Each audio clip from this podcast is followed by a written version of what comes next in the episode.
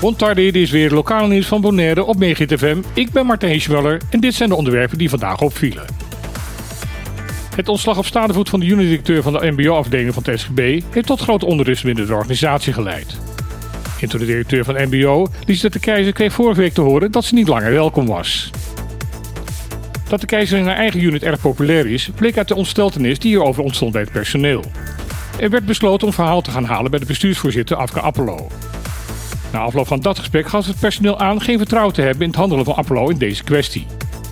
Dit kwam ook omdat de bestuursvoorzitter met een volstrekt ander verhaal kwam dan de keizer. Daarom heeft de vakbond Simabo aan de Raad van Toezicht van de SCB gevraagd om de ontslag terug te draaien. Ook al omdat de keizer volgens planning aan het eind van dit schooljaar toch al zou gaan vertrekken. De Raad van Toezicht heeft vervolgens de ontslag van de keizer niet ingetrokken, maar wel de bestuursvoorzitter Appelo voorlopig op non-actief gesteld. Volgens de voorzitter van de raad, Ritsa Lee, is dit gebeurd om zo snel mogelijk de rust in de school terug te brengen. De werkzaamheden van Appelo zullen voorlopig ingevuld gaan worden door twee unitdirecteuren. Lian Dam zal tijdelijk de functie van de keizer overnemen. Ze komt daarvoor een paar weken eerder terug uit haar zwangerschapsverlof dan gepland. Water- en energiebedrijf Web maakt haar excuus voor het auto-ongeluk waarbij een van de bedrijfsvoertuigen van Web bij betrokken was. Op zaterdagmiddag botste de wagen van Web tegen een pick-up truck op de Kaja Rincon. De chauffeur van de pick-up moest na het ongeval naar het ziekenhuis voor medische behandeling.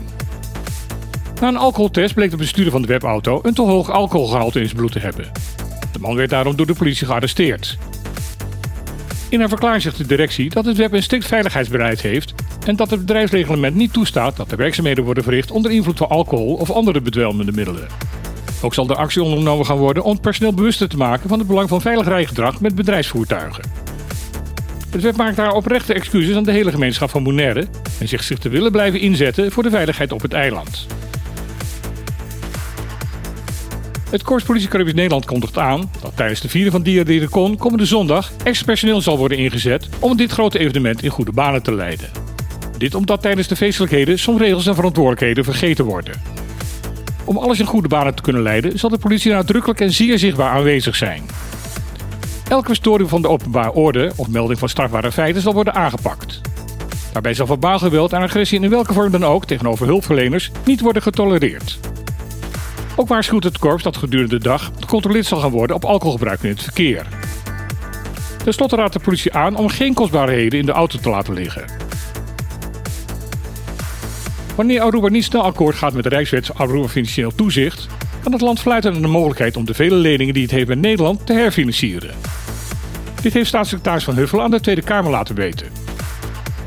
Het ontwerp van de Rijkswet ligt al sinds februari 2022 bij de parlementen van Nederland en Aruba. De Tweede Kamer had hierover diverse vragen gesteld, waar de staatssecretaris nog steeds niet op heeft geantwoord. Dit veroorzaakte de nodige irritatie bij de verschillende fracties in de Kamer. Daarom heeft de Bundestag nu verteld dat ze de vragen niet kan beantwoorden. De Rijkswet is een zogenaamde consensuswet. Dit betekent dat alle betrokken partijen er akkoord mee moeten gaan. Ruffelen deelde mee dat er nog geen principeakkoord is van het parlement van Aruba. Daarom heeft voor haar het beantwoorden van inhoudelijke vragen op dit moment geen zin. Het antwoord van Van Huffelen aan het Nederlands parlement houdt ook een waarschuwing in aan het parlement van Aruba. De winstvrouw waarschuwt namelijk dat wanneer er geen akkoord is over de wet die toezicht moet houden over het financiële beheer van Aruba, er ook geen sprake kan zijn van het opnieuw afsluiten van leningen met Nederland tegen voor Aruba veel gunstige voorwaarden. Opvallend, want de premier van Aruba, Evelien Wever-Kroes, heeft een paar weken geleden gemeld dat daar juist een akkoord met Nederland over was gesloten. Kennelijk is ze vergeten te vermelden dat daar van de Nederlandse kant wel voorwaarden aan verbonden zijn.